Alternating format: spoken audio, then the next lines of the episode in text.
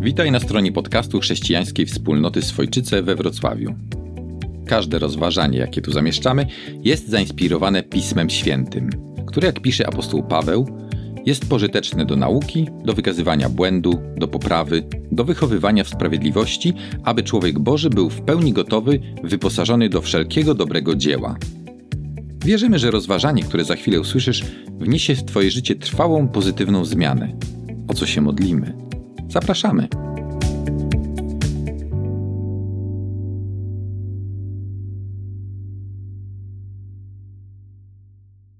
Nie wiem, czy się ze mną zgodzicie, ale ja odnoszę takie wrażenie, że żyjemy w, naprawdę do dziwnych czasach. Szczególnie ostatnie lata. To jest taki jakby rollercoaster. To, co się dzieje, jest po prostu niewyobrażalne. Zaczęło się od e, pandemii, COVID-u, od zamknięcia naszych miejsc pracy, naszych, nawet naszych domów, tak? Nie mogliśmy wychodzić do lasu. E, za chwileczkę wydaje się, że wszystko wraca do normy. Wojna za naszą wschodnią granicą. E, kiedy przyzwyczajemy się jakby do wojny za wschodnią granicą, kolejna wojna, Izrael i Syria, tak? Czasy, w których żyjemy są naprawdę dziwne. Nie tylko, że są różne rzeczy dookoła nas się dzieją, ale też można odnieść takie wrażenie, że między nami coraz jest gorzej. Tak? E, coraz więcej jest jakiejś takiej agresji między ludźmi. Jestem w sklepie i e, widzę, jak starsza pani z buzią wyskakuje na ekspedientkę tylko dlatego, że ona się w czymś pomyliła. Ekspedientka nie pozostaje jej dłużna. E, coraz gorsze czasy. I to powoduje też, to, to jest też takie moje wrażenie, że coraz więcej wśród Bożych dzieci, wśród tych, którzy e, są w Kościele, są społecznością Kościoła, zaczyna narastać taka nadzieja i pragnienie, że pewnie już niedługo Chrystus powróci. I to wszystko, co jest złe, to wszystko, co jest zepsute, to wszystko, co nie jest, jest takie niefajne, skończy się i zapanuje zupełnie inny świat. Pełen pokoju, radości, pełen miłości.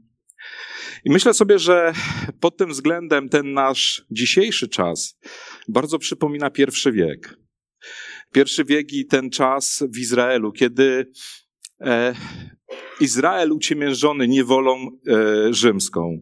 E, ludzie w Izraelu uciemiężoni niewolą rzymską zaczynają mieć nadzieję, że przyjdzie ten, którego obiecał Bóg, Mesjasz, i zaprowadzi, pokona Rzymian i zaprowadzi zupełnie nowy wiek. I przychodzi Jezus, cieśla z Nazaretu. I niektórzy zaczynają rozpoznawać w nim Mesjasza, tego obiecanego przez Boga. Zapewne pamiętacie fragment z Ewangelii Jana, kiedy e, Andrzej, spotkawszy Jezusa, zaraz biegnie do Piotra i mówi: Chodź, zobacz, znaleźliśmy Mesjasza. I wokół Jezusa zbiera się grupka uczniów, ludzi, którzy rzeczywiście dostrzegają w nim, że jest tym, który był obiecany. I zaczynają oczekiwać, że już niedługo Jezus pokona Rzymian i zaprowadzi swoje królestwo.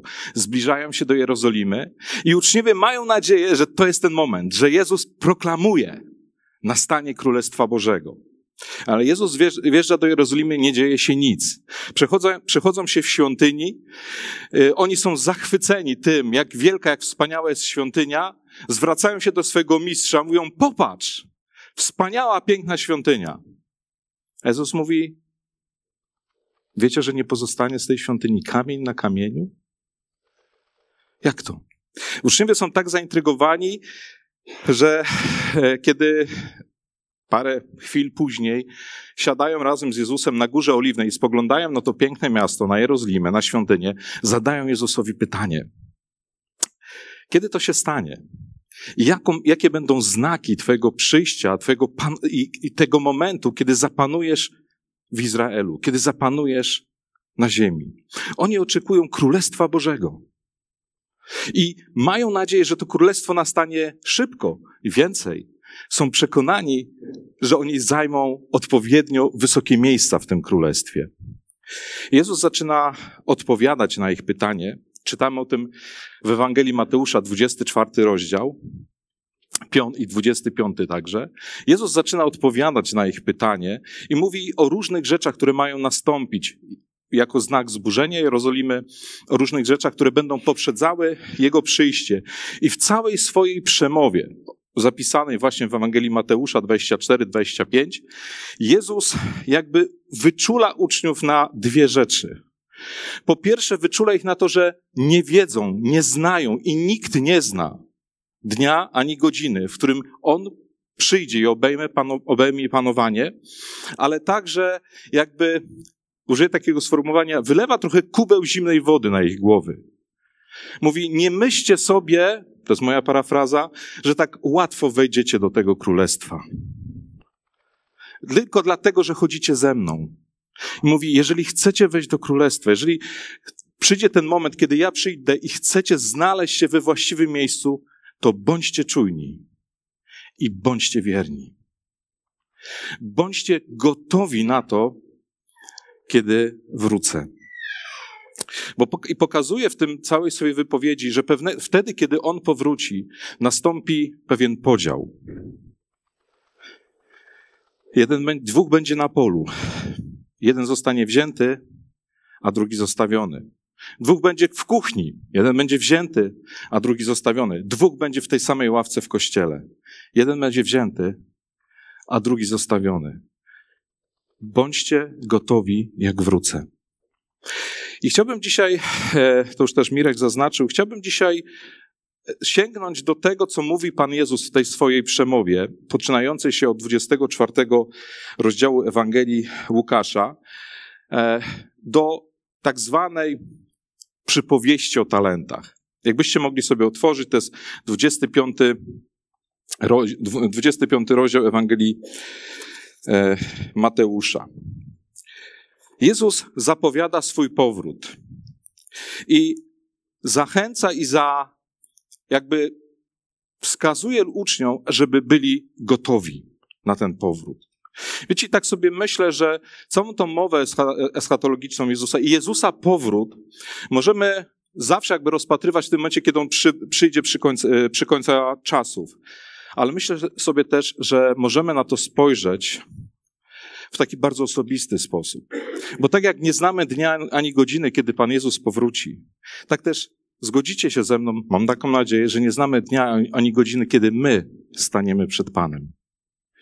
Nie znamy dnia, w którym odejdziemy i staniemy przed Panem. I ten powrót Jezusa możemy rozpatrywać jak eschatologicznie, ale też bardzo osobiście. Pewnego dnia albo Jezus powróci, albo ja przed Nim stanę. I Pan Jezus mówi, bądź gotowy. Bądź gotowy na mój powrót. I kiedy kończę jakby tą mowę eschatologiczną, Pan Jezus daje trzy przypowieści, trzy takie przykłady, które mają wezwać uczniów do gotowości. I mówi między innymi o słudze, jednym słudze, który był e, pracowity, opiekował się e, sługami, albo o słudze, który był leniwy. Mówi przypowieść o dziesięciu pannach i mówi przypowieść o talentach. Ja na tej przypowieści chciałbym się skupić i z niej jakby kilka lekcji dla nas wyciągnąć w obliczu tego, że mamy być gotowi, bo przychodzi Chrystus. Mamy być gotowi, bo może On przyjdzie, nie znamy dnia ani godziny i mamy być gotowi, bo my możemy przed Nim stanąć w każdej chwili. To jest Ewangelia Łukasz, Mateusza, e, rozdział 25, wersety od 14. Podobnie bowiem pewien człowiek odjeżdżający za granicę przywołał swoje sługi i przekazał im swoje mienie. Temu dał pięć talentów, temu dwa, a tamtemu jeden. Każdemu według jego mocy albo zdolności. I odjechał. Zaraz ten, który otrzymał pięć talentów, poszedł, obrócił nimi i zyskał dalszych pięć. Podobnie ten, który dwa, zyskał dalsze dwa. Ten zaś, który otrzymał jeden, odszedł, rozkopał ziemię i ukrył srebro swojego pana. Po długim zaś czasie przychodzi pan tych sług i rozlicza z nimi sprawę. Podszedł więc do tego, który otrzymał pięć talentów, przyniósł dalsze pięć, przyniósł, pod, Podszedł więc ten, który otrzymał pięć talentów, przyniósł dalsze pięć talentów i mówi, panie, powierzyłeś mi pięć talentów, oto zyskałem dalszych ta pięć talentów. A jego pan powiedział, dobrze, sługo dobry i wierny, byłeś wierny w małym, postawię cię nad wieloma, wejdź do radości pana swego. Podszedł też ten, który otrzymał dwa talenty i powiedział, panie, powierzyłeś mi dwa talenty, oto zyskałem dalsze dwa. A pan jego na to, dobrze, sługo dobry i wierny, byłeś wierny w małym, postawię cię nad wieloma, wejdź do radości pana swego. Podszedł także ten, który posiadał jeden talent i powiedział, panie, przekonałem się, że jesteś twardym człowiekiem, że żniesz, gdzie nie posiałeś i zbierasz, gdzie nie rozsypałeś. Przestraszony więc odszedłem i ukryłem swój talent w ziemi. Oto masz, co twoje. Jego pan zaś odpowiedział mu, sługo zły i leniwy. Byłeś świadomy, że żnę, gdzie nie posiałem i zbieram, gdzie nie rozsypałem. Trzeba ci było więc położyć moje srebrniki bankierom, a ja po przyjściu odebrałbym to, co moje zyskiem. Zabierzcie mu więc talent i dajcie temu, który ma dziesięć talentów. Każdemu bowiem, kto ma, będzie dane i będzie miał w nadmiarze. Temu zaś, który nie ma, zostanie zabrane i to, co ma a nieużytecznego sługę wrzućcie w ciemność zewnętrzną. Tam będzie płacz i zgrzytanie zębów. To jest przypowieść, którą e, opowiedział Pan Jezus, i ja mam nadzieję, że kiedy czytamy tą przypowieść o, talent, o, o, talentach, to wszyscy doskonale zdajemy sobie sprawę, że nie chodzi o talenty jako o nasze zdolności, o jakie nasze umiejętności, tak? Że nie o tym tutaj mówimy. Talent to jest jednostka, nie wiem, możemy tak nazwać, jednostka monetarna. Inaczej możemy ten przypowieść rozpocząć w ten sposób, że pan, który postanowił gdzieś wyjechać, gdzieś w daleki kraj, oddaje swoim służącym kupę pieniędzy, naprawdę sporą ilość kasy, po to, aby tymi pieniędzmi właściwie zarządzali. Daje im to, co należało do niego daje im to, co należało do Niego, aby tym właściwie rozporządzali i aby przynieśli owoc z tego, co On im dał. I myślę, że to jest pierwsza ważna rzecz, którą uczymy się z tej przypowieści. To jest to, co już było powiedziane, co Mirek mówił, co też Artur, tak? E, powiedziałeś, że wszystko, co mamy, mamy od Boga. Wszystko, co posiadamy, otrzymaliśmy od Boga. Nic nie jest nasze.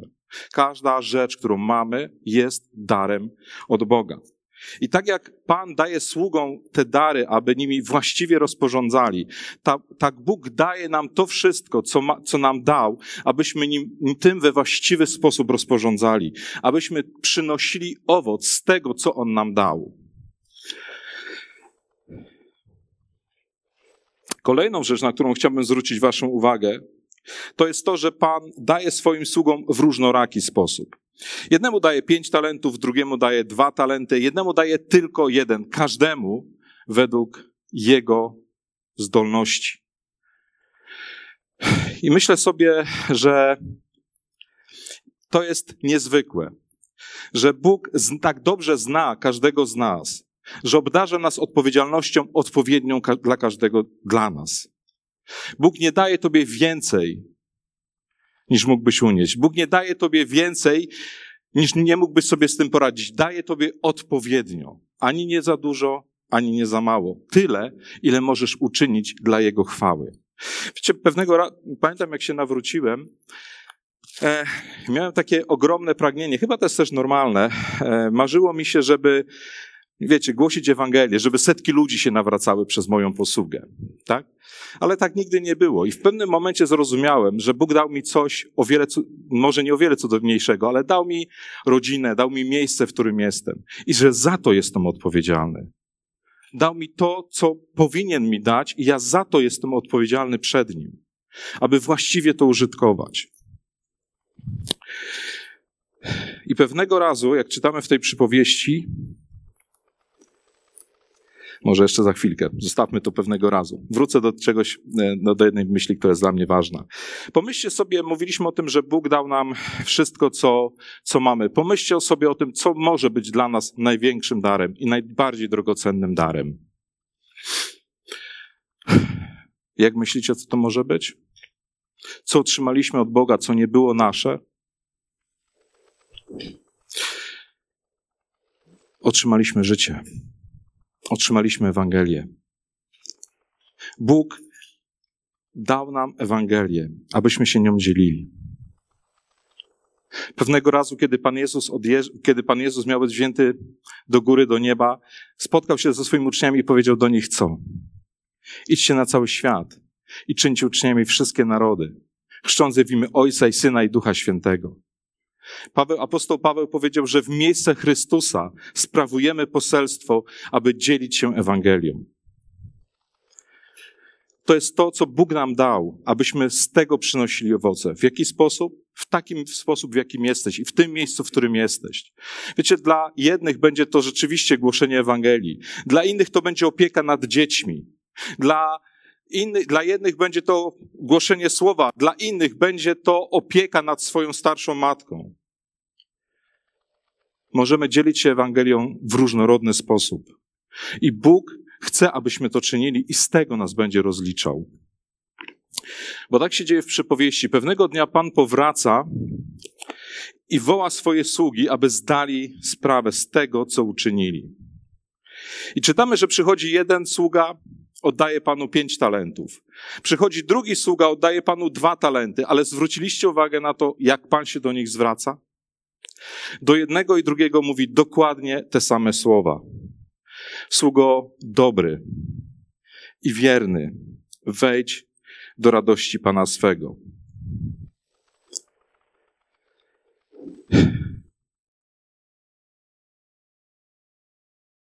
Jeden sługa przynosi pięć talentów, drugi przynosi tylko dwa, ale dla jednego i dla drugie, i drugiego sługi są, jest ta sama nagroda i te same słowa.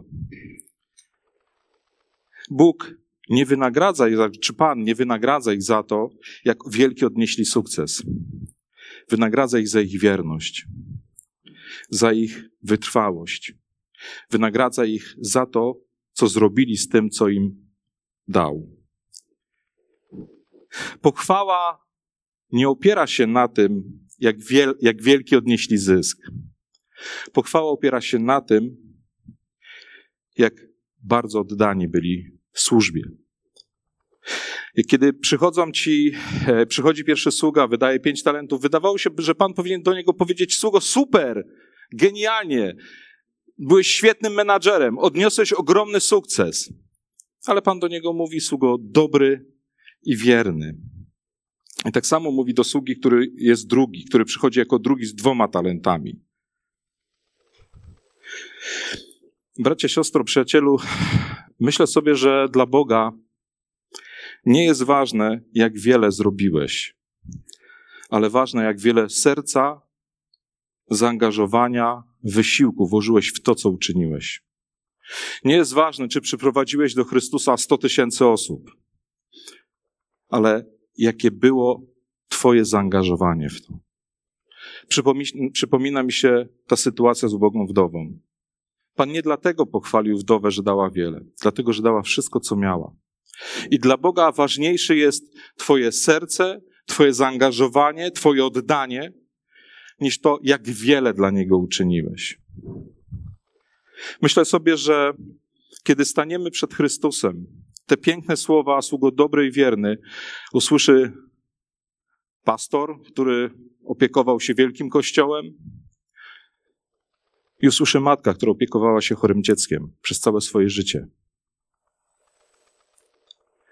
Usłyszy ten, który głosił Ewangelię dla tysięcy, i usłyszy ten, kto każdego dnia sprzątał w kościele, czy co niedzielę sprzątał w kościele, aby ci, którzy przyjdą, mogli czuć się dobrze. Bo dla Boga nie jest ważne, jak wiele robisz. Dla Boga ważne jest, jak wiele serca to wkładasz, co robisz. Jak wiele zaangażowania, jak wiele wysiłku. I dochodzimy do, w tej przypowieści do kulminacji. Pan wynagradza pierwszego sługę, wynagradza drugiego, ale przychodzi też ten trzeci sługa. Sługa, który otrzymał jeden talent, aby, i przychodzi, aby zdać sprawę ze swojej, z tego, w jaki sposób tym talentem zarządzał. I ten sługa przychodzi z wyrzutami i z oskarżeniem swojego pana.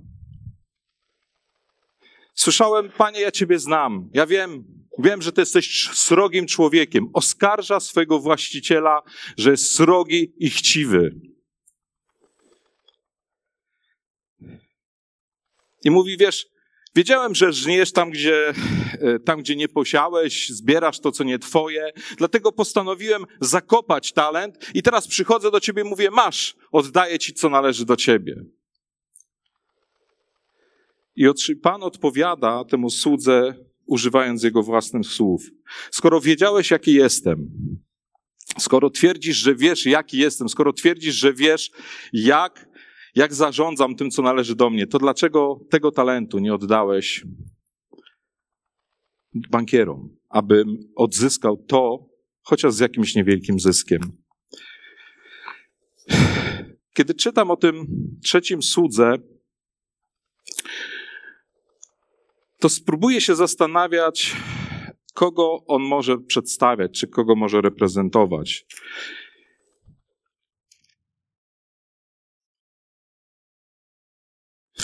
Co pokazuje postawa tego sługi? On mówi: Znam Pana, znam Cię Boże, znam Cię Panie, znam mojego właściciela, wiedziałem, jakim jesteś człowiekiem. Czy naprawdę?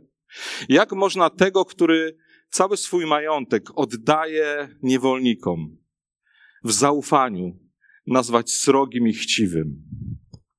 Jak można tego, który daje wszystko, nazwać złym? Jak bardzo zepsute musiało być serce sługi i cała jego postawa pokazuje, że wbrew temu, co mówił, że nigdy nie poznał swego właściciela i nigdy tak naprawdę go nie kochał i nie był mu oddany.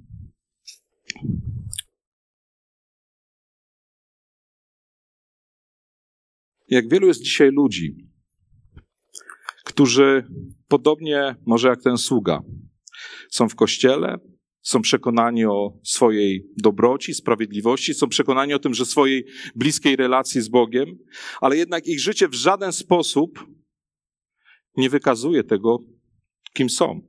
Nie wykazuje zmiany, nie wykazuje miłości do Boga. Bo w czym się okazuje prawdziwość naszej wiary, prawdziwość naszego oddania, prawdziwość naszej służby, prawdziwość naszego zaangażowania?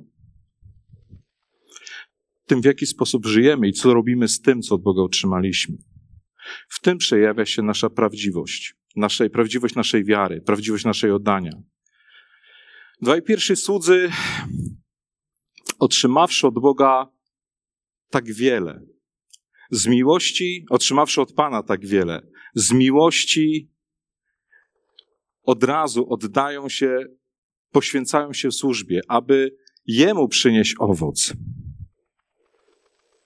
Trzeci sługa zakopuje to, co otrzymał, bo tak naprawdę nigdy nie poznał swojego Pana.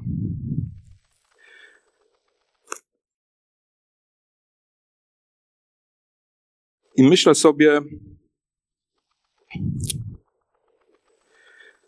że to, w jaki sposób żyjemy, co robimy z tym, co otrzymaliśmy od Boga, świadczy o tym, czy to, co mówimy, że wierzymy, że kochamy, że miłujemy, że jesteśmy oddani, jest prawdziwe. Nie to, co. Bo nieważne jest to, co mówimy, czy nie tak ważne jest to, co mówimy, ale w jaki sposób postępujemy prawdziwość naszej wiary, prawdziwość naszego oddania, prawdziwość naszego poświęcenia zostaje potwierdzona przez to, co zrobiliśmy z tym, co od Boga otrzymaliśmy. I pozwólcie na pytanie, co dzisiaj ty zrobisz, robisz z tym, co od Boga otrzymałeś? Jak było pięknie powiedziane, otrzymaliśmy tak wiele. Otrzymałeś wszystko. Otrzymaliśmy życie.